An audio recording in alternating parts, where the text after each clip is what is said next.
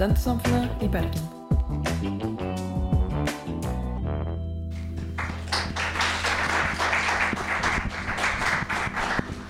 Ja, takk for at dere kom. Eh, som sagt så er dagens tema kjernekraft og en strålende fremtid. Eh, eh, kjernekraft er noe som er snakka om ganske lenge. Og det er mange som syns at det er et ganske skummelt tema, mens noen mener også at det er liksom løsninga på klimakrisen og slikt. Og det er litt det vi skal prøve å utforske i dag. Eh, og med, med meg så er det to stykker, to debutanter. Og så er det greit om dere kan eh, introdusere dere sjøl. Skal vi starte med deg, Dag Arne? Ja. Dag Høistad heter jeg, kommer fra Naturvernforbundet. Der er jeg avdelingsleder for det som heter energi, klima og internasjonalt. For den internasjonale avdelingen vår er tatt opp der. Og det er jeg har jobbet mye med internasjonale prosjekter på energitilgang i Afrika og den slags. Og vi har samarbeid med Russland delvis på opprydning av gamle synder fra kjernekraftindustrien. Men ellers er det energi og energieffektivisering som er mitt hovedtema. Hei, alle sammen. Jonny Hesthammer. Jeg sitter da som daglig leder i dette norske Kjernekraft AS. Så håper jeg ikke det var for mange her som kom fordi at de tenkte det var Sunniva Rose som skulle sitte her istedenfor meg. Hun kunne dessverre ikke komme. Eh, så jeg er geolog av bakgrunn. Geolog og geofysiker. Veldig glad i naturen. Har vært ute i Canada og tatt masteroppgaven min. Men jeg har også jobbet mange år i oljebransjen. Eh, faktisk startet flere oljeselskaper. Eh, kan mye om energi. Eh, og så På en eller annen tidspunkt i reisen så bevegde jeg meg inn eh, og så på energikildene og begynte å se litt på, på hvordan eh, kjernekraft kan ha en rolle i dette. Og Denne reisen tok jeg sammen med hun Sunniva Rose, som er kjernefysiker. og Det har ledet til at vi sitter i dag med dette veldig spennende selskapet som tidsmessig er ganske interessant. Skal vi snakke litt om det? Ja, flott. Så da tenker jeg egentlig at vi starter kjapt med at du, om du kunne bare tatt en uh, kjapp gjennomgang om hvordan et kjernekraft faktisk fungerer i dag? Ja, altså Konseptet er jo for så vidt ganske enkelt. Det er noen atomkjerner som lar seg eh, spalte. Uran er en av de. Så Du sender et lite nøytron mot det, så kan du spalte kjernen, og så frigir den masse energi. Faktisk 50 millioner ganger mer energi enn en vanlig forbrenning vil kunne gjøre. Så det er enorme energimengder. Men bortsett fra det så fungerer jo det litt på samme måte som om det skulle for så vidt vært et kullkraftverk eller om det skulle vært et biomassekraftverk. Det du gjør, er at du har varme. Så da, I dette tilfellet får du ved å spalte atomkjerner. Den varmen leder du inn i en beholder med vann. Så varmer du opp vannet, det koker. Dampen den driver en turbin. Og så kobler du den turbinen med en generator som da kan lage strøm. Så en eh, diger vannkoker med litt attpå. Veldig bra sagt. Eh, da tenker jeg egentlig at vi starter med vårt første tema, som er kanskje det som mange tenker på med en gang de tenker kjernekraft, og det er sikkerhet og ulykker. Så eh, da kan jeg egentlig starte med å spørre hva var det egentlig som skjedde i uh, Hiroshima, nei, Fukushima og Tsjernobyl? Hva, hva, hva, skjedde galt, på en måte, i Jonny? Det som, eh, det som, var med eh, spesielt Tsjernobyl Tsjernobyl er jo den, den kjernekraftulykken som har definitivt vært den verste. Eh, der er Verdens helseorganisasjon mener jo tross alt at det vil være 4000 som har eller vil dø som følge av den ulykken i Tsjernobyl. Så det som, eh, det som, var litt spesielt med den, var at det var en, eh, et kjernekraftverk som ikke var bygget slik som dagens moderne kjernekraftverk bygges. Og dette var også bygget litt fordi at det var under den kalde krigen. Man skulle lage atomvåpen, så det var om å gjøre å hente ut plutonium. Så de hadde ikke denne, det de kaller for en sånn containment-struktur. Hvor de har denne eh, betongomslutningen som skal stoppe ting fra å kunne, hvis noe går galt, at det skal kunne komme opp i luften. Så, og det var litt fordi at da kunne du ta ut disse her eh, brenselstavene, og du kunne lettere prosessere plutonium, som da eh, Sovjetunionen ønsket å bruke. Så det som skjedde der, var jo eh, at det gikk det gikk galt i kjernekraftverket. Det var også laget på en sånn måte at du måtte liksom holde foten på bremsepedalen for at ikke ting skulle akselerere. Slapp du foten, så akselererte ting. I dag lages det motsatt. ikke sant? Hvis du slipper ting i dag, så stopper det med passiv sikkerhet. Så det som skjedde der, da, var at du fikk eh, en nedsmelting, eh, og du fikk en, bl.a. en hydrogeneksplosjon. Og det gjorde at du fikk dette radio, radioaktive materialet som gikk opp i atmosfæren og spredte seg bl.a.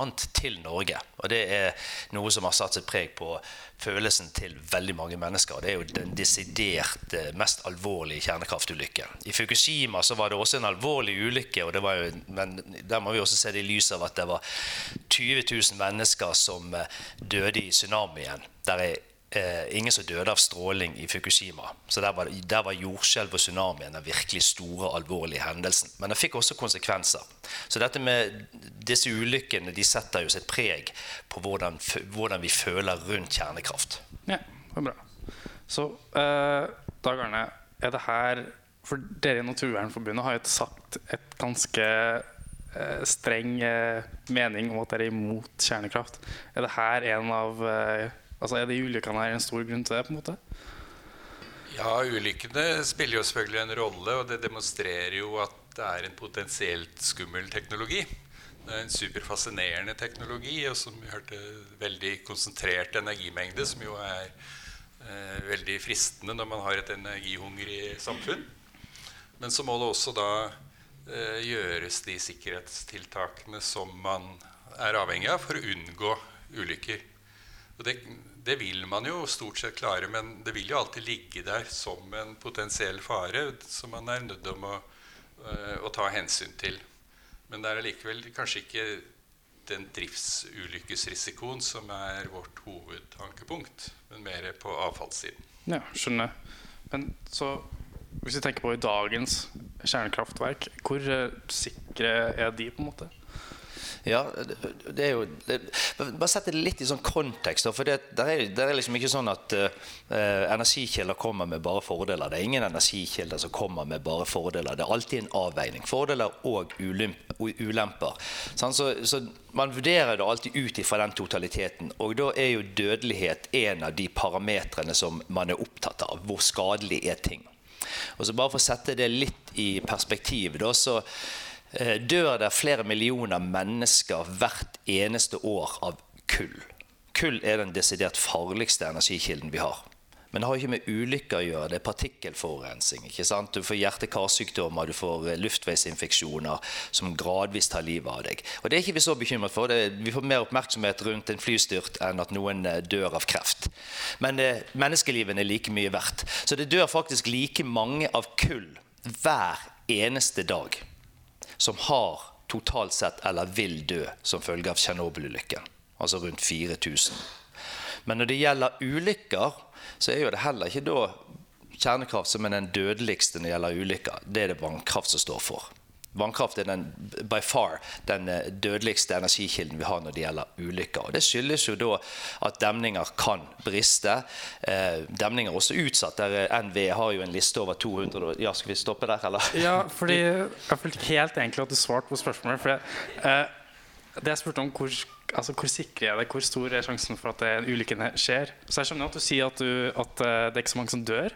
Men hva er, hva er, sjansen for at det blir en meltdown på en måte ja. i en reaktor i dag? Ok, Det var en litt lang innledning, da, kanskje. skal vi komme til poenget? Nei, så, så, så, det du gjør da, Når du skal se på dødelighet, så ser du på dødelighet. Hvor mange mennesker dør per kilowattime strøm du produserer. Det er det som er interessant. Om de dør av partikkelforurensning eller dør av ulykker, burde egentlig ikke ha så mye å si, for et menneskeliv er like mye verdt. Da. Men når det gjelder da, uh, uansett om det gjelder ulykker eller om det gjelder partikkelforurensning, så finnes det én rapport som er utrolig viktig. og Den, den er laget av EU sitt vitenskapspanel. Den rapporten kom ut i forfjor. og Det den sier, det er at eksisterende kjernekraft i verden det er like trygt som vindkraft i dødelighet per kilowattime produsert energi. Eh, men når det gjelder moderne, den nye typen kjernekraftverk som bygges i Europa i dag, sånne European Pressurized uh, Water Reactors, så sier de at det er tryggere enn alt annet. Det er faktisk så trygt at sjansen for, å dø du kan forvente i snitt ett dødsfall hvert 315. år som følge av en større ulykke dersom alle eksisterende 450 kjernekraftreaktorer i verden i dag blir byttet ut med den moderne typen. Altså, hvis alle blir byttet ut, så kan du forvente ett dødsfall hvert 315 år. Det er tre dødsfall på 1000 år. Det er ingen andre energikilder som er i nærheten. Så ja, ulykker kan skje, men kjernekraft er ifølge EU sitt vitenskapspanel den desidert tryggeste energikilden av alle energikilder. Ja, Og det er de moderne kjernekraftene du snakker om nå, ikke sant? Ja, de som bygges i Finland og i, i Storbritannia. Ja. Men som, nå som du snakker om det, så høres det ut som at å, det er veldig få som dør av det. Eller hvis nesten ingen, på en måte. To hvert, hvert tusen år. Men, eh, men eh, du fortsatt ikke på en måte snakka om altså, Kan det bli en eksplosjon? på en måte? Er det, en sjanse i hele tatt for det? Det som, er, det som gjøres i dag nå, lages Vi skiller mellom disse store kraftverkene og så skiller vi med, med, sånne små modulære reaktorer. I Norge, Når vi snakker med norsk kjernekraftverk, snakker vi om sånne små modulære reaktorer som tar størrelsen til sånn ca. Brann stadion. De bygges med eh, passiv sikkerhet, de er walkaway safe, men det kan jo skje noe. Dersom noe skjer, så skal ingen ha behov for å trykke på noen knapp eller ingenting. De stenger seg ned sjøl. Og det som, eh, det som, disse selskapene lager til rette nå, er dersom noe faktisk går galt, så blir evakueringssonen begrenset til gjerdet rundt anlegget. Altså det vil bli gjerdet rundt Brann stadion. Sånn at den, eh, du får ikke den typen eh, scenarioer som du fikk i Tsjernobyl. Men det kan du for så vidt heller ikke få med de andre kjernekraftverkene som finnes i verden. Det var en veldig spesiell type reaktor som ble bygget da. Eh, og vi lærer jo av det. Vi bygger, vi, av, når det skjer ulykker, så lærer vi det. Alexander Kielland-ulykken gjør at vi har mye sikrere drift av oljeplattformer i dag. Biler er blitt mye tryggere. Kjernekraftverk er blitt mye tryggere. Ja. Så, ja. Men det kan jo skje. Altså, det er jo teknisk mulig at det kan skje. Så jeg er helt enig i at det er ikke noe stor risiko, og det er kanskje ikke hovedargumentet mot, men eh, det er alltid en mulighet for at en reaktor kan komme ut av kontroll, villet eller ikke villet, i uforutsette situasjoner. Så det fordrer jo at man har måte, kontroll på teknologien, at man har et stabilt samfunn, og at de som drifter det, gjør det i beste mening. Så det er alltid en liten potensiell risiko. Ja, og, og, det er veldig viktig. Det er ingen energikilder som ikke kommer med ulemper. Det kan alltid skje noe. Det er derfor jeg skulle si det at NVE har en liste over 203 demninger i Norge. Hvor de sier at hvis noe skjer med de, en brist, en terroraksjon, et ras som går ned i vannmagasinet, så kan det få enorme konsekvenser for mennesker og helse. Det kan alltid skje noe med disse. Den største vannkraftdemningsulykken som skjedde, den skjedde i Kina for, eh, på 70-tallet. Tok livet av 200 000 mennesker. Tsjernobyl-ulykken har eller vil ta livet av 4000. Det kan alltid skje noe, så det handler om å, eh, være, å, å, å, prøve å lage det så sikkert som mulig. Vi merker ikke så mye med vindkraft. Hva er farlig med vindkraft? da? Jo, det detter folk ned fra disse vindturbinene. Eller det skjer en trafikkulykke når turbinbladene transporterer gigantiske turbinblader som skal transporteres på veien. Så skjer det trafikkulykker. Så eh, igjen per kilowattime. Det er det måten man måler det på. da. Men det vi ofte er eh, bekymret for, det er den frykten for at noe enormt enormt skal skje. Altså Plutselig så er det enorme områder som blir ubeboelige. Det skjer ikke med disse små modulære reaktorene. Okay. Så de her modulære, det er de som de brukes i dag, ikke sant? Eller snakker du om Det er de som eh, eh som GI, Hitachi, Rolls-Royce. Det pågår 80 sånne prosjekter. Så de er ikke de som brukes i dag. De som bygges i dag, er jo disse store Olkiluoto eller Hinkley Point C, gigantiske kraftverk. De også bygges ekstremt trygge, og det er de som EUs vitenskapspanel forholder seg til. Da. Men for oss i Norge så gir det nok mer mening å, å bygge eh, et kraftverk der industrien skal bygges. Vi er et spredt land, ikke sant. Ja, skjønner. Så, eh, men i deres norsk kjernekraft. Uh, er det disse, så det er disse det her små modulære reaktorene dere tenker på? Men Er det de som er thoriumdrevet, eller er det noe annet? Nei, Til å begynne med så tenker vi skal basere oss på eksisterende teknologi. Altså Rolls-Royce har jo bygget kjernekraftverk, altså en, små, små, modulære kjernekraftverk som de har brukt i ubåter og på hangarskip. ikke sant? GI Tachi har bygget store kraftverk. De skal nå bygge sin tiende generasjon av eh, sitt kraftverk. Og det skal de gjøre ved at de bygger det modulbasert. Rolls-Royce sier det ikke er Duplo, det er Tekno, Lego Tekno de sammenligner det med. Men eh, hvor de lager litt avanserte moduler som er bygget på standardiserte fabrikker, og så setter du det sammen på byggestedet. Og da blir de, de blir mindre, men de leverer enormt mye strøm. GI Tachi sin eh, leverer like mye strøm som tre fjerdedeler av Bergen kommune bruker på et år inne på én fotballstadion. Skulle du hatt det samme med vindkraft, så måtte du hatt fem ganger eh, arealet til vidden mellom Fløyen og Ulriken. Så det er enormt tett mengde med energi du får. Ja, så Det høres jo altså, veldig bra ut på flere måter. Så eh, Dag Arne alt, alt, jeg hører nå, er jo på en måte at kjernekraft er veldig bra. Det er veldig, det er veldig få som dør av det. Så hva tenker du nå? på en måte? Nei, så det er godt mulig at kjernekraft har en uh, viktig rolle i den globale sammenheng. Uh, men hvis man ser det i norsk sammenheng, så er det jo ikke bare sikkerheten som har noe å si. Det er økonomien, og det er tidsaspektet, og det er avfallsbehandlingen. Så man må jo vurdere da et prosjekt ut ifra det. Og det kanskje vi er først og fremst uh, bekymret for i denne debatten, er jo at man har et håp om at det skal komme en billig, fantastisk energikilde en eller annen gang i fremtiden. Slik at man ikke gjør de tiltakene vi må gjøre i dag hvis vi skal unngå store naturinngrep og eh, irreversible klimaendringer. Så det kan lett bli en sovepute, for de modulære reaktorene er jo ikke på markedet enda. Man vet jo ikke når det kommer, når det blir type godkjent. Eh, hvilken pris de vil ha, hvordan de vil passe inn i systemet, hvor de skal gjøre avfallet osv. Ja, forstår. Så Kan, kan, kan jeg bare kommentere der at eh, eh, vi skiller da litt mellom det som vi kaller for tre pluss-reaktorer og fjerdegenerasjonsreaktorer. For når vi sier at de, dette er ting som kan komme. Så er det eh, veldig mange snakker om disse saltsmeltereaktorene og thoriumreaktorer, som da riktignok, det er helt riktig, det ligger litt lenger fram i tid. Ikke så mye pga. det teknologiske, for der har man kommet ganske langt. Jeg var nede og besøkte Copenhagen Atomics og Seaborg Technologies i København. De har kommet veldig langt. Men eh, det er mye regulativer og lovverk som skal på plass der. Da. Men det som jeg sa med GI Tachi, det er tiende generasjon av deres reaktor. Det eneste de gjør, er at de pakker den mindre og bygger den modulbasert. Ja, Så når det er modulplassert, så er det også billigere? på en måte Det tar ikke like lang tid å bygge og like dyrt? Ja, og Det er hele poenget. For Norsk kjernekraft det vi sier er at vi, vi, i motsetning til f.eks. havvind altså Den billigste energikilden er jo, er jo landbasert vind. ikke sant? Solkraft er billigere, men kanskje ikke fullt så relevant i Norge.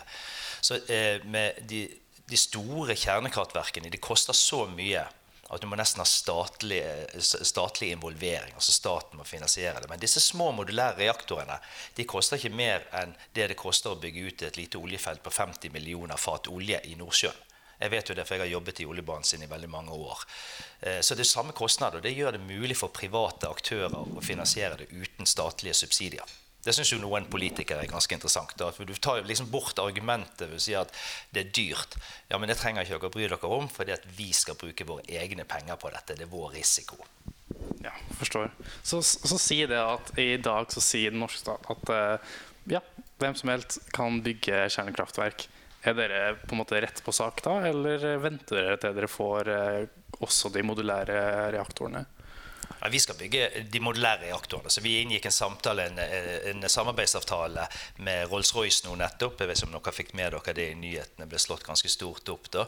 Eh, Rolls-Royce eh, planlegger å få disse i drift, den første i drift i 2031. Så det er ingen sånn quick fix med dette. det er ingen Kjernekraft løser ingenting i dette tiåret, uansett hvordan du rir og vender på det. da. Men GI Tachi skal ha sin første i drift i Ontario i 2028. Så skal de bygge en i Saskatchewan. Eh, og så kommer de da fortløpende der. Og Det vil jo være fornuftig for oss å kjøpe en sånn reaktor, et kjernekraftverk fra f.eks. GE Tachi. De bygger det og setter det på plass, og så betaler vi de 89 milliarder kroner det koster. Ja. Så når det kommer til f.eks. Eh, når vi ser på Tyskland De har jo hatt ganske mange kjernekraft. ikke sant? Og mange av de begynner jo etter hvert så legges de ned. Er det her pga. de her er rett og slett den gamle versjonen? Eller? Ja, altså, Tyskland har jo hatt et ønske om å stenge ned kjernekraft i veldig mange år. Det er jo mange land som har. ikke sant? Har, Sverige har tenkt på det, og, og, Frankrike hadde vel også en, bestemt seg for at de skulle fase, ned, fase ut kjernekraften. Men det som, eh, det som vi ser da, så kommer dette grønne skiftet, og så kommer det, eh, det trykket på at vi skal få ned klimagass, eh, klimagassutslippene, og så går ting for langsomt. Oppbyggingen av fornybart går for langsomt. Vi ser at dette, vi lykkes ikke så mye. Og så kommer dette med den væravhengige kraften inn, og så ser disse landene at vi sliter. Derfor ser vi en renessanse for kjernekraft nå. Sverige skal bygge flere, Frankrike, Storbritannia. veldig mange land som nå satser på å bygge det opp igjen. Og og mye av det er drevet fram av det grønne skiftet. Hvis ikke klimagassutslipp var et issue i det hele tatt, så hadde vi kanskje sett en nedstengning av kjernekraftverkene. Men det som vi ser i Tyskland, da, er at de har blitt veldig gamle, disse kraftverkene, og de må fases ut på et eller annet tidspunkt uansett. Og da er spørsmålet skal vi erstatte dem med noe nytt. Nå, kan, nå kunne Tyskland da forlenget levetiden, og de burde jo ha gjort det, for det vi ser, er jo at de faser inn kull som alternativ til, eh, til det. Da. Og det, det, at de erstatter eh, eksisterende kjernekraftverk med kull, er jo kanskje ikke det smarteste de har gjort. Det stemmer jo ikke helt. Eh, Tyskland har økt kull, men det er jo hovedsakelig med en rekordeksport i vinter til Frankrike. Og selvfølgelig sammenheng med bortfall av russisk gass og at atomreaktoren i Frankrike sto, slik at det er importert kraft fra Tyskland som forklarer den økte kullproduksjonen i Tyskland det siste året. Men Det har jo vært en spesiell situasjon, men hovedsakelig så går jo kull ganske dramatisk ned i Tyskland. Ja, jeg, jeg burde vært mer presis der, så du har et godt poeng på det. Det som, jeg, det som jeg prøver å si, der, er at når Tyskland faser ut kjernekraft, så betyr det at de ikke klarer å fase ut kull så fort som de ellers ville kunne gjort. Så Det var en studie som jeg leste som anslo at uh, det var faktisk 1800 økt altså det, det, Fordi at ikke de klarte å fase ut kull, så hadde du eh, partikkelforurensning som tok livet av 1800 mennesker i året i Tyskland som ellers kunne vært unngått hvis ikke de hadde faset ut kjernekraftverkene sine. Så på to år så ville i Tyskland ha dødd like mange, mange, mennesker som totalt globalt har eller vil dø av Tsjernobyl-ulykken. Derfor virker det ganske meningsløst fra et sikkerhetsmessig ståsted å fase ut kull i Tyskland. Nei, fase ut kjernekraft. Fase ut kull gir veldig mening. Korriger meg hvis jeg av og til så bare går, går eh, tankene mine litt foran.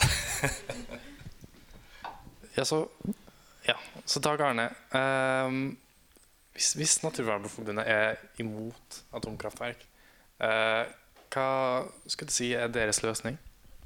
Veldig glad for at du spør om det.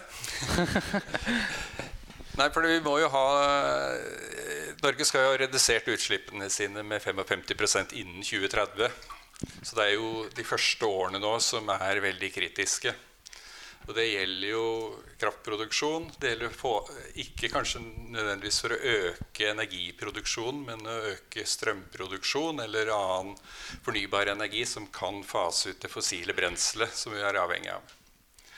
Da er spørsmålet hvordan skal man få til det i det korte tidsperspektivet vi står overfor.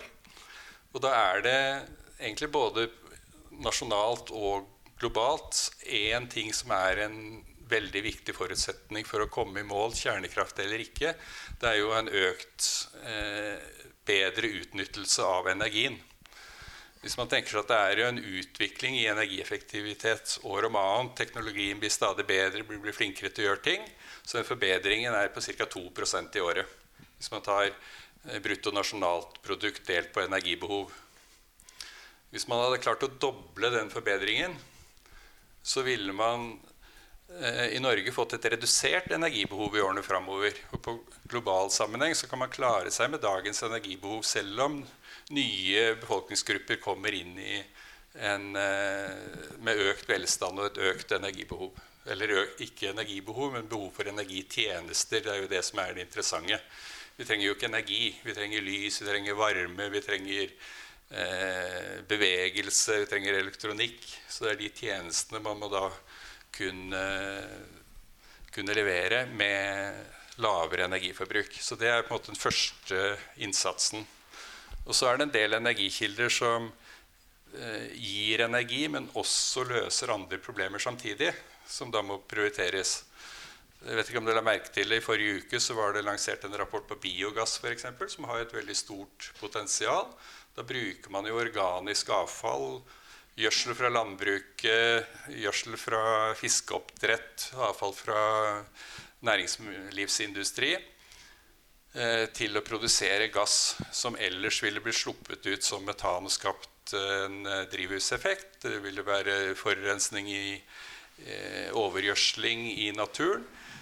Eh, og med biogassproduksjonen biogassproduksjon så får man en flott energikilde, og man får et flott gjødselprodukt. Så det er den type innenfor sirkulærøkonomien at man kan se på mange mulige måter å tappe energi og redusere behovet og løse flere problemer samtidig.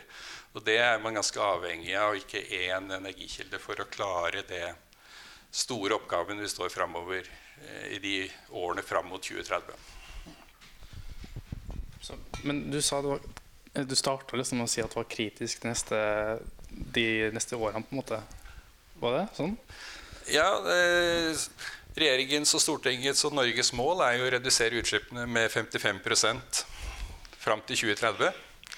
Og, og, det er for å holde oss på linje med å klare å holde vår rettferdige andel av reduks, reduksjon i utslipp for at verden skal kunne holde seg innenfor 1,5-gradersmålet. At vi ikke skal få farlige klimaendringer med veldig stor konsekvens.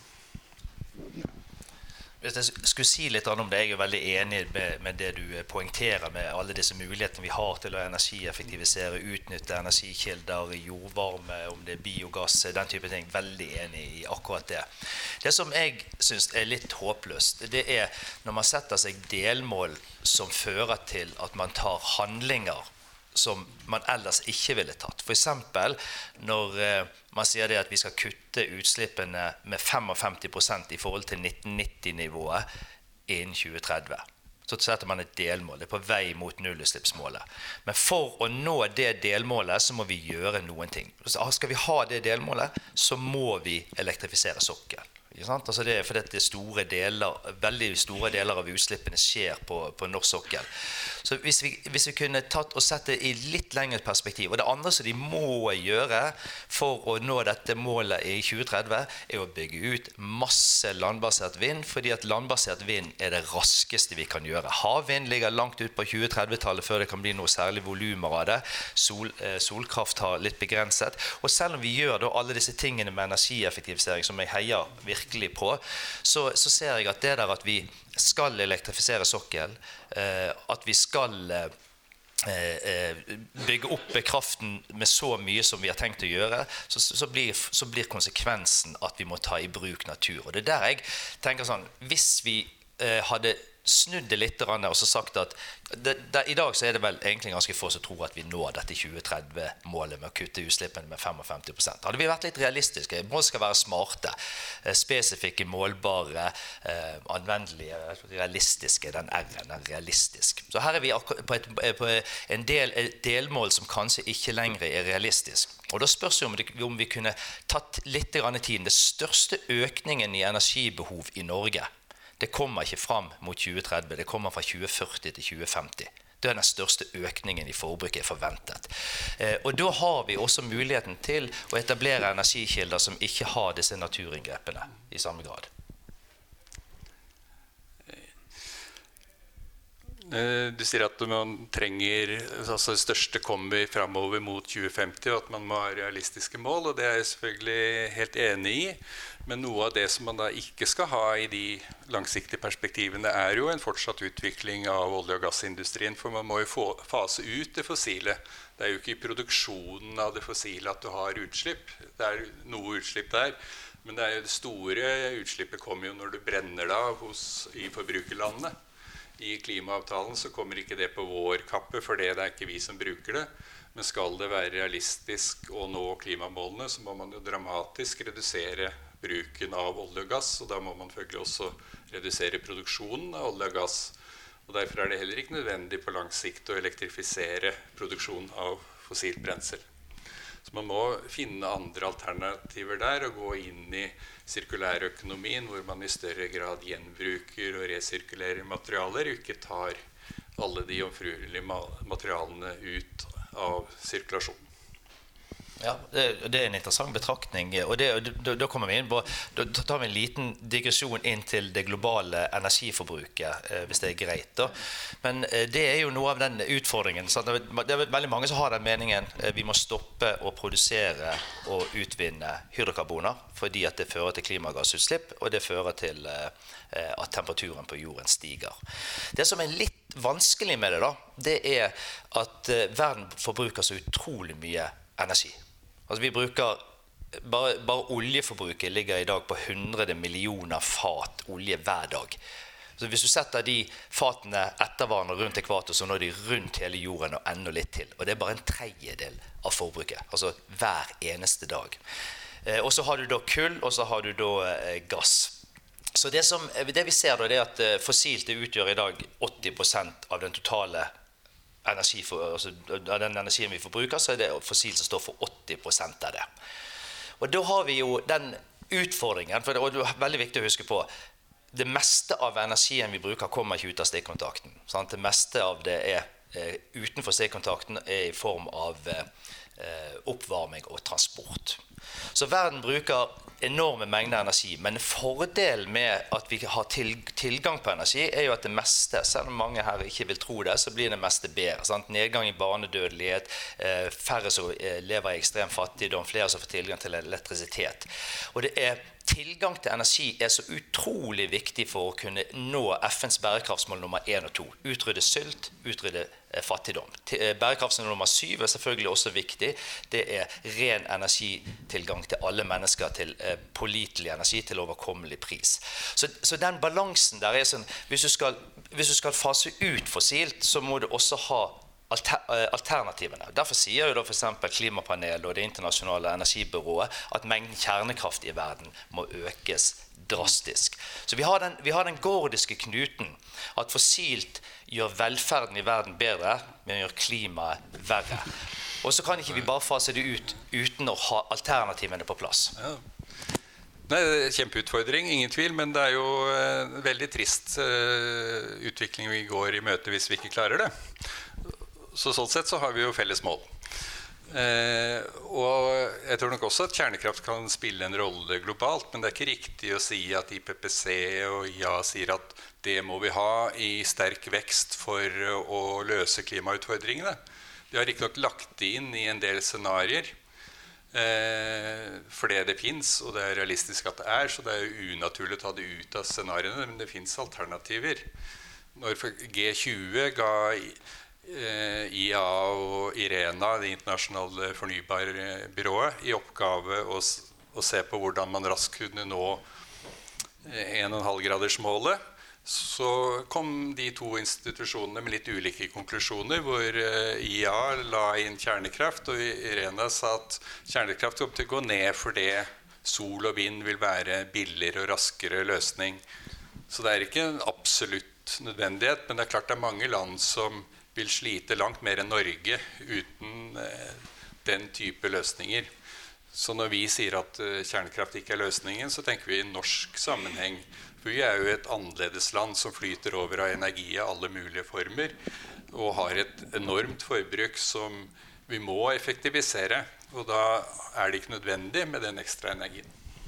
Kan, kan, jeg bare dra den litt videre? Da? For det, eh, Klimapanelet sine modelleringer der er det nesten ingen av modellene som klarer å nå 1,5-gradersmålet uten, eh, uten, bruk av kjernekraft. Og så har eh, Det internasjonale energibyrået en litt annen tilnærming. Da.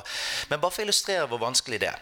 De siste 30 årene så har energiforbruket i verden, strøm og, og det som ligger utenfor, det har økt fra tilsvarende 100 000 TWh til 160 000 TWh. Altså en økning på 60% I 1990, for 30 år siden, så var andelen fornybart i energimiksen 14 I dag, og du ser på direkte forbruk, i dag er han 12% han var 14 i dag er han 12% Fornybart klarer ikke engang å holde tritt med økningen i energiforbruket i verden. og Derfor øker fossilt. Så uansett, altså, vi, vi, kan være enige om at vi gjør jo overhodet ikke nok for å kunne finne de erstatningene. Da. Men samtidig så må verden ha energi. Og Her kommer vi litt inn på når du sier det er Norge versus verden. I verden så utgjør fossilt 80% av energiforbruket. I Norge utgjør det 50% av energiforbruket fossilt utgjør 50% av all energien vi bruker. Så vi det er ikke sånn at vi er enormt forskjellige her i Norge. i forhold til, Vi er veldig heldige. Vi har vannkraften og vi har elektrifisert mye mer. I resten av verden står strøm for 20% under 20% av eh, totalen. I Norge er det 40% eller litt over 40% Så det som, det, som vi, det som verden har som en utfordring, det har også Norge som en utfordring. Det er mitt utgangspunkt når vi sier hva skal vi gjøre, men vi kan komme inn på det når vi sier hva er kraftbehovet i Norge. Ja, det kan vi. Men jeg, jeg hadde egentlig lyst til å prøve å snakke med deg Dag Arne om at uh, For du, du, mente at det er ikke noe for Norge.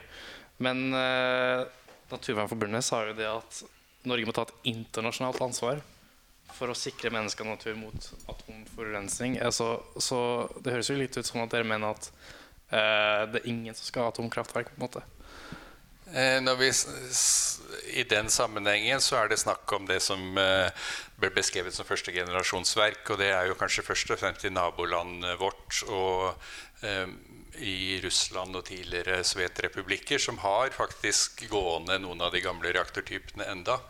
Da har det jo vært et uh, stort internasjonalt pågang for å delta i den opprydningen. Eh, med krigen så har det blitt brått slutt. Eh, mye av opprydningen har også kommet et stykke på vei. Så det er jo i den lovgivningen og reguleringen og opprydningsarbeidet at vi har sagt at vi må ta et internasjonalt ansvar. Eh, Naturvernforbundet har ikke noe behov for å diktere hva andre lands energipolitikk skal inneholde. Nei, ok. Um, prøver å se litt på tida nå, men uh for det, jeg syns egentlig det er veldig interessant med de gamle atomkraftverkene. For at eh, det, er liksom, det, det er veldig sentralt. Fordi når Naturvernforbundet tar et veldig hardt standpunkt, så høres det ut som det er det dere snakker om. Og når du tar et veldig positivt standpunkt, så høres det ut som det at du gjør det for fremtiden. Ja, og det er jo eh, litt av problemet i atomkraftdebatten at man snakker om ulike teknologier. For det er klart, Hvis du kommer over på disse saltsmeltreaktorene, thoriumreaktorer, som ikke er basert på samme måte på uranbrensel, og avfallet og ulykkesrisikoen er en annen, så får du selvfølgelig en helt annen debatt. Men de er, eh, på en måte, de er ikke på markedet, så det er ikke et prosjekt man kan ta stilling til. Når det kommer som eh, et realistisk alternativ, så må man jo forholde seg til det. Og enda lenger fram så er det kanskje eh, ikke spalting i det hele tatt, men altså lette atomer som smelter sammen som på sola. Man får eh, en helt annen Ikke noe avfall i det hele tatt, men eh, det er store tekniske utfordringer og er antageligvis langt fram i tid. Ja, eh, det er jo interessant. Når du snakker om saltsmeltereaktor og thoriumreaktor Nå holder Kina på å bygge sin første. Den skal være ferdig dette tiåret. Eh, det pågår et sted mellom 80 og 90 prosjekter på sånne små modulære reaktorer, hvorav veldig mange av de er saltsmeltereaktorer. og det er både på uran og på thorium. Så det, det, dette er jo sånne ting som kommer. Bill Gates, Warren Buffett, altså de rikeste menneskene i verden jobber iherdig med å få dette på plass. Tachi, Rolls-Royce, enormt seriøse selskaper jobber med neste generasjon.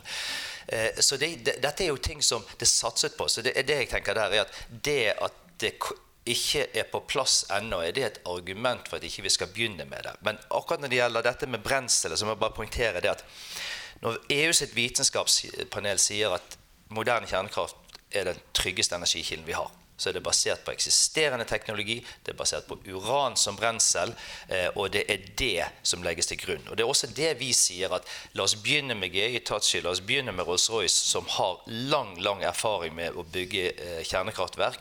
Tiende generasjon for GI Hitachi, og så lager vi noe som er trygt og stabilt, og noe vi er kjent med. Så kan disse tingene som du snakker om, eh, de kan komme i framtiden. Jeg tror jo at 40 år fram i tid så har vi fått thoriumreaktor, vi har fått saltsmeltereaktor. Da kan vi gjenbruke det avfallet som genereres sånn at, eh, fra disse klassiske i dag, sånn at du får redusert avfallsmengden enda mye mer.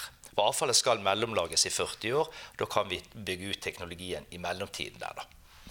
Men trygt er det. Altså, det, det er ikke sånn at disse thoriumreaktorene saltsmeltereaktorene som kommer, er mye tryggere enn de eksisterende kraftverkene. Husk hva EU vitenskapspanel sa. Ett dødsfall per 315 år hvis alle kraftverkene i verden var den moderne typen som bygges i dag. Men det er mindre avfallsproblem. Du er ikke med på å bygge opp det store avfallsberget som vi kanskje kommer tilbake til. Kan, kan, kan bare si eh, enorme avfallsberget. Alt høyaktivt avfall fra hele kjernekraftindustrien som har vært i hele verden i all tid, får plass på en fotballbane i ti meters høyde. Norge har holdt på med kjerne, eh, kjernereaktorer i i 50 år, og vi har generert 17 tonn med avfall. Det 17 tonnene de, tar, eh, de tar, litt mer enn en kubikkmeter. Jeg tror, jeg tror, egentlig vi tar det som en liten smakeputt på etter pausen. eh, og så tar vi Eller med mindre du har noe veldig kjapt nå. Nei, ok. Da tar vi en uh, kjapp pause, og så kommer vi tilbake straks etterpå. Ja, da tror jeg egentlig vi slipper, nei, starter der vi nesten slapp av. Eh, på klima og bærekraft, og spesielt avfallshåndtering.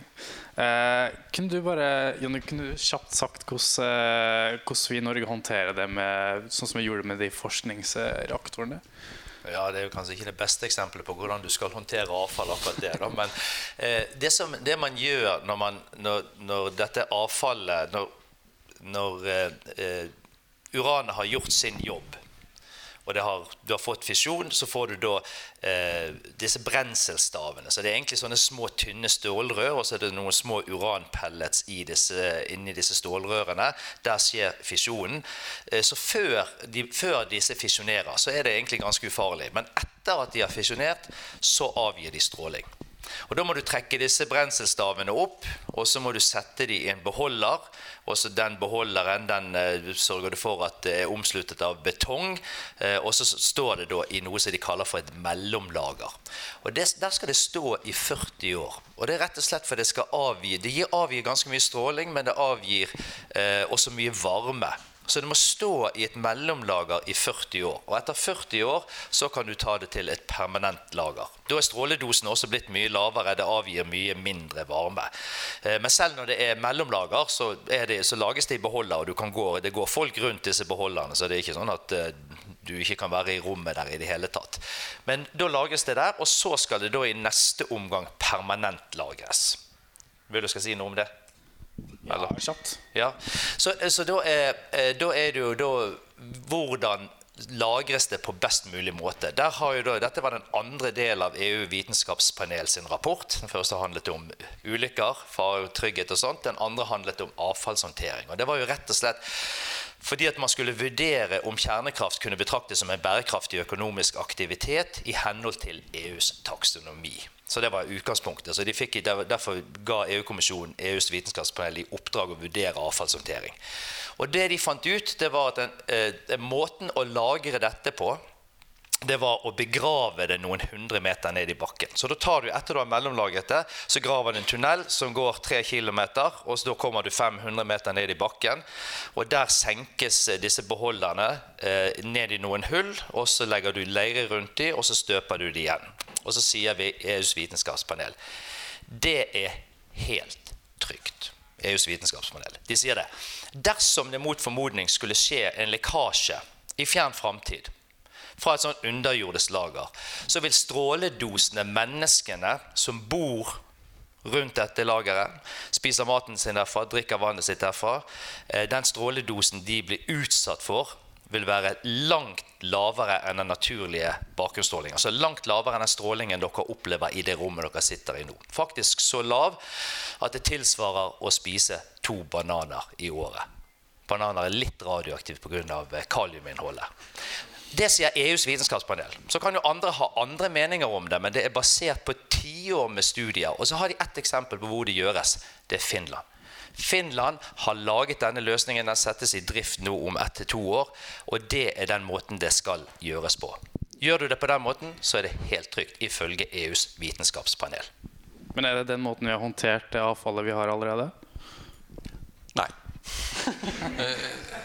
Atomkraft er jo ikke noe nytt i Norge. Vi bygde den første reaktoren eh, tidlig på 50-tallet. Så Norge var jo av de aller første landene utenfor de store atommaktene som bygde eh, atomreaktorer, forskningsreaktorer. Vi har hatt fire stykker som ble stengt av siste vel i 2019. Eh, de som drev de reaktorene, var ikke veldig opptatt av avfallsbehandlingen. Så vi har jo et avfalls, en utfordring som eh, de som drev reaktorene, ikke har løst. Det er nå etablert noe som heter Norsk nukleær dekommisjonering, altså et statlig organ som skal eh, rydde opp i det her. Og da er det, som Jonny sa, først å lage et ordentlig mellomlager. Det er ikke gjort ordentlig nå. Eh, og så da på, en eller annen måte et eller annet sted finne en deponiløsning som kan vare de 100 000 årene som man i verste fall må, må tenke at dette avfallet kan ha en uh, uheldig stråling. Uh, den prosessen er forventet å koste ca. 30 milliarder og strekke seg over en 50-årsperiode. Og det er på en måte noe av den utfordringen vi ser, at uh, det er kanskje ikke når man ikke absolutt må, at man setter i gang med den type tradisjonelle atomreaktorer som vi snakker om her, altså på uraniumbrensel, og legge mer avfall inn i den si, ventekøen før man har gjort den jobben det er med å skaffe det lagringen. At man har løst eller har et opplegg for avfallsdeponeringen før man starter å produsere mer. Det var ganske dyrt. altså Det var store kostnader her, var det ikke? Cirka, 30 milliarder, men det er jo da bare for disse 17 tonnene. Nå er det ikke bare 17 tonn, det er jo reakt, altså det brukte brenselet. Så er det selvfølgelig mer avfall. Hele reaktoren skal jo eh, plukkes fra hverandre. Så du får, det er jo også for så vidt radioaktivt avfall. Så det er mye mellom- og lavradioaktivt avfall i tillegg som skal håndteres.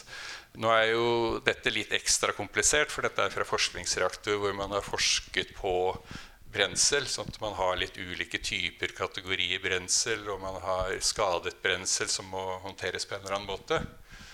Men det er altså på en måte staten som må rydde opp etter eh, disse årene med forskning. Og i hele denne perioden fra 50-tallet opp til 90-tallet så var jo atomkraft den energikilden Norge brukte mest forskningsmidler på.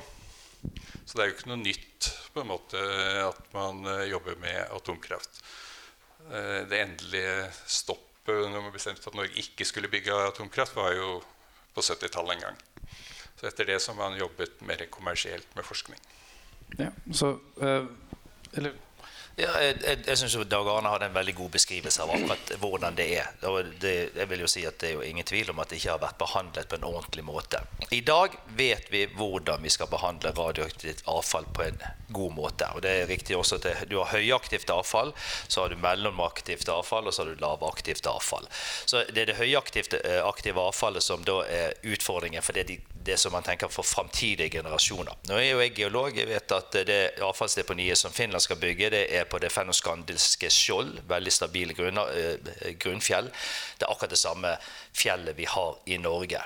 Så det er helt stabilt å gjøre det i Norge. Norge og Finland og Sverige må jo være de beste landene i verden å lage dette avfallet på. Da. Men eh, eh det høres jo ekstremt ut. 30 milliarder kroner for å håndtere det. 20 milliarder er det jeg har fått vite. Da. Heldig. Det fins noen mennesker i Norge som kan ekstremt mye om, om eh, eh, avfallshåndtering. Og det er de som befinner seg akkurat der som du nevnte. Norsk nukleær dekommisjonering. Den fremste eksperten der, han jobber for meg i dag. Han sluttet i Norsk nukleær dekommisjonering og begynte i Norsk Kjernekraft AS. Jeg synes det er ganske betryggende at den fremste eksperten på avfallshåndtering, lover og regulativer valgte å slutte i et selskap som skulle håndtere avfallet, og begynne i et annet selskap som skal lage mer avfall. Han tror i hvert fall at det er mulig. Så, så, jeg tenker at Når jeg får min kunnskap, så er det ikke det meg som er eksperten på dette. Håvard Kristiansen, kjernekjemiker, han er eksperten på dette. Men det er veldig betryggende å høre det han sier om det. Og så må vi lene oss til igjen. Hvis EU vitenskapspanel sier at det er helt trygt å lagre det, de sammenligner litt med CO2-lagring, som er en del av taksonomien, så tenker jeg ja, da skal vi jammen sant lytte til det. Så må det komme grådig gode motargumenter. Og det nytter ikke å referere til at det ble gjort feil i fortiden. Vi må gjøre det riktig fra nå av og framover. Og så må man gjøre det før man må ha det klart før man setter i gang. Du må, du må, ikke ha det på plass før du setter i gang, for dette avfallet skal mellomlagres i 40 år. Og det, du kan også da utvide den mellomlagringsfasen i ytterligere 40 år. Faktisk så vil jeg tenke sånn at når vi mellomlagrer det i 40 år, så i løpet av de neste 40 årene så kommer fjerdegenerasjonsreaktorene, eh, saltsmeltereaktor, thoriumreaktor, som kan brenne det eksisterende avfallet. Sånn at mengden blir kanskje redusert til 1% av det det er i dag. Igjen, det handler jo For all del, hvis jeg kunne velge, så ville jeg ikke hatt et eneste kraftverk i mitt nabolag. Ja, eh, Dag Arne, har du lyst til å svare? Nei, det, det, er litt det som er uh, utfordringen med kjernekraft. Det er jo på en måte at det ikke er bærekraftig i bærekraftsdefinisjonen. At du ikke skal gjøre noe i dag som belaster fremtidige generasjoner. For det, det brenselet du har i dag, skal da lagres først i 50 år, eller 40 år. Og så skal man ta stilling til hvordan det skal sluttdeponeres. Og, og da kan du jo på måte legge på avgifter på produksjonen, slik at eh, det forhåpentligvis dekker fremtidige kostnader. Men det kan skje mye med inflasjon og ting som gjør at man ikke får det. Så det er veldig lett at det er alltid mer lønnsomt å ikke gjøre det nå og finne en, en unnskyldning for å drive verket videre, for å ha det midlertidige lageret videre, fordi det er så veldig slutt, dyrt å sluttforvare det. Og det man ser med de store atomreaktorene, er jo at uh, i alle fall, Jeg vet ikke hvordan det blir med de små, at det kan være minst like dyrt å plukke de ned igjen som det er å sette de opp. Og da er det selvfølgelig fryktelig dyrt å si at nei, nå er det så gammelt at det eh, sikkerhetsmessig ikke kan drives videre. For økonomien er så ekstremt forskjellig på å drive det i forhold til å stoppe det. Så det er en, en utfordring med teknologien som gjør at vi tenker at du må ha disse avfallsløsningene helt klart og på plass før man setter i gang eh, ny produksjon, man, lenge man i hvert fall har mange gode andre alternativer som man kan ty til, som jeg var inne på i stad. Ja, jeg synes jo den det, det, å si sånn Ja, det kan jo være, og så vet vi ikke hvordan det blir med inflasjon, og så blir det problematisk. Hvordan man håndterer avfallet i dag, det løses sånn som de løser det i Sverige. I Sverige setter de av noen få øre per kilowattime av den strømmen som man selger. Noen få øre settes av i et fond. I, Finland, nei, i Sverige så er det fondet nå på 80 milliarder kroner. Det koster kanskje 10-15 milliarder å bygge sånn underjordisk avfallsanlegg. Eh, og det vil vi jo selvfølgelig også gjøre. Jeg skulle ønske at vindkraftindustrien, solkraftindustrien og de andre kraftindustriene hadde gjort det samme. Sette av penger til å stenge det ned etterpå. Hva gjør man med vindturbinene i naturen når de er ferdig? Det som vi kommer til å gjøre, det er at vi kommer til å sette av noen få øre av hver kilowattime som selges, til nettopp å bygge et sånt underjordisk lager. Og hvis Norge er smart, så overlater de de 17 tonnene til oss, så skal vi håndtere det for halve prisen. Ja. Jeg tror nok det kommer ut på anbud, så det er bare å legge inn anbud. Det, eh, men det andre som, du, som, var interessant, som du kom inn på da, for du, du, snakket om hva, hva, eh, altså det, det som defineres som bærekraftig. Og her det, Da kommer vi inn på en veldig interessant eh, diskusjon. Hva menes med bærekraftig utvikling? Det er et ord som vi bruker jo ekstremt mye. Bærekraftig utvikling ifølge FN og du, du var inne, absolutt inne Men, på det. Kan vi vente litt med å gå videre til for... jeg, får, jeg, får, lov å komme inn på det, sant? Ja, ja, ja. ja ok, Da kan jeg vente. Da er det greit. Men det, hva, hva var det spesielt med avfallshåndteringa? For dere snakka veldig mye om den permanente løsninga.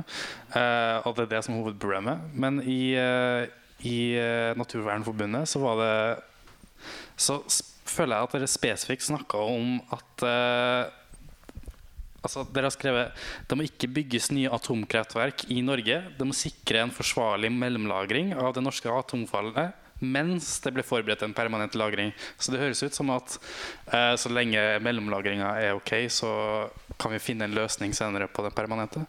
Nei, det er jo fordi vi ikke tror at den permanente lagringen kan komme veldig raskt. At det vil ta tid å finne det stedet og forberede at Sverige de startet jo med dette for 30 år siden, og de er ennå ikke helt i mål. Eh, så kan man selvfølgelig satse på at prosesser går raskere, og at Sverige har gått foran og brøytet vei og funnet ut mange smarte ting som man kan kopiere. Eh, man trenger ikke satse på det, de har faktisk gjort det. Sånn at eh, Det som er med det eksisterende avfallet, er jo at det er lagret under veldig kritikkverdige forhold, hvor vann trenger inn i lagerlokalene. Eh, sånn at man er nødt om å bygge et nytt mellomlager først, mens man venter på det permanente lageret. Så Det er det som er bakgrunnen for den formuleringen. Man kan ikke, kan ikke la det ligge slik det ligger i dag, i påvente av den permanente løsningen. Og Det er helt riktig. Jeg var i et møte med Halden kommune. Det er jo der de har eh, hatt en sånn forskningsreaktor. Halden kommune de sier vi ønsker å håndtere farlig avfall, også radioaktivt avfall fra eh, kjernekraftindustrien. Men ikke bare. Også, også, det, også det farlige avfallet fra solkraftindustrien. Alltid eh, 2-3 med farlig avfall også i disse solcellepanelene. Indium, gallium, selen, bly, eh, sink osv. Så, videre. så, eh, så eh, det avfallet må uansett håndteres. Mye av industrien i Norge handler jo også om at det kommer noe farlig avfall. Halden kommune sier vi ønsker å bli verdensledende på håndtering av farlig avfall. Da kan vi ta den kunnskapen den kompetansen, og så kan vi eksportere den, og så kan vi lage det som en business i Halden kommune. De ønsker, og de har plasseringen for et, et mellomlager. De vet akkurat hvor det skal være, og de ønsker nå å gå videre for hvor de skal kunne forberede et permanent lager. Hvis du ser borte i Sverige, så viser det seg at den kommunen de, der de skal bygge dette avfallsanlegget, og i Finland, der er lokalbefolkningen 80% over 80% er positive til at det lagres i nabolaget deres. Altså Det er overveldende positivt av befolkningen der disse avfallshåndteringslagene eh, blir. Er befolkningen positive til det. Det er et godt tegn, syns jeg. Det tyder på at de er blitt eh, forklart at det er en god måte å gjøre dette på.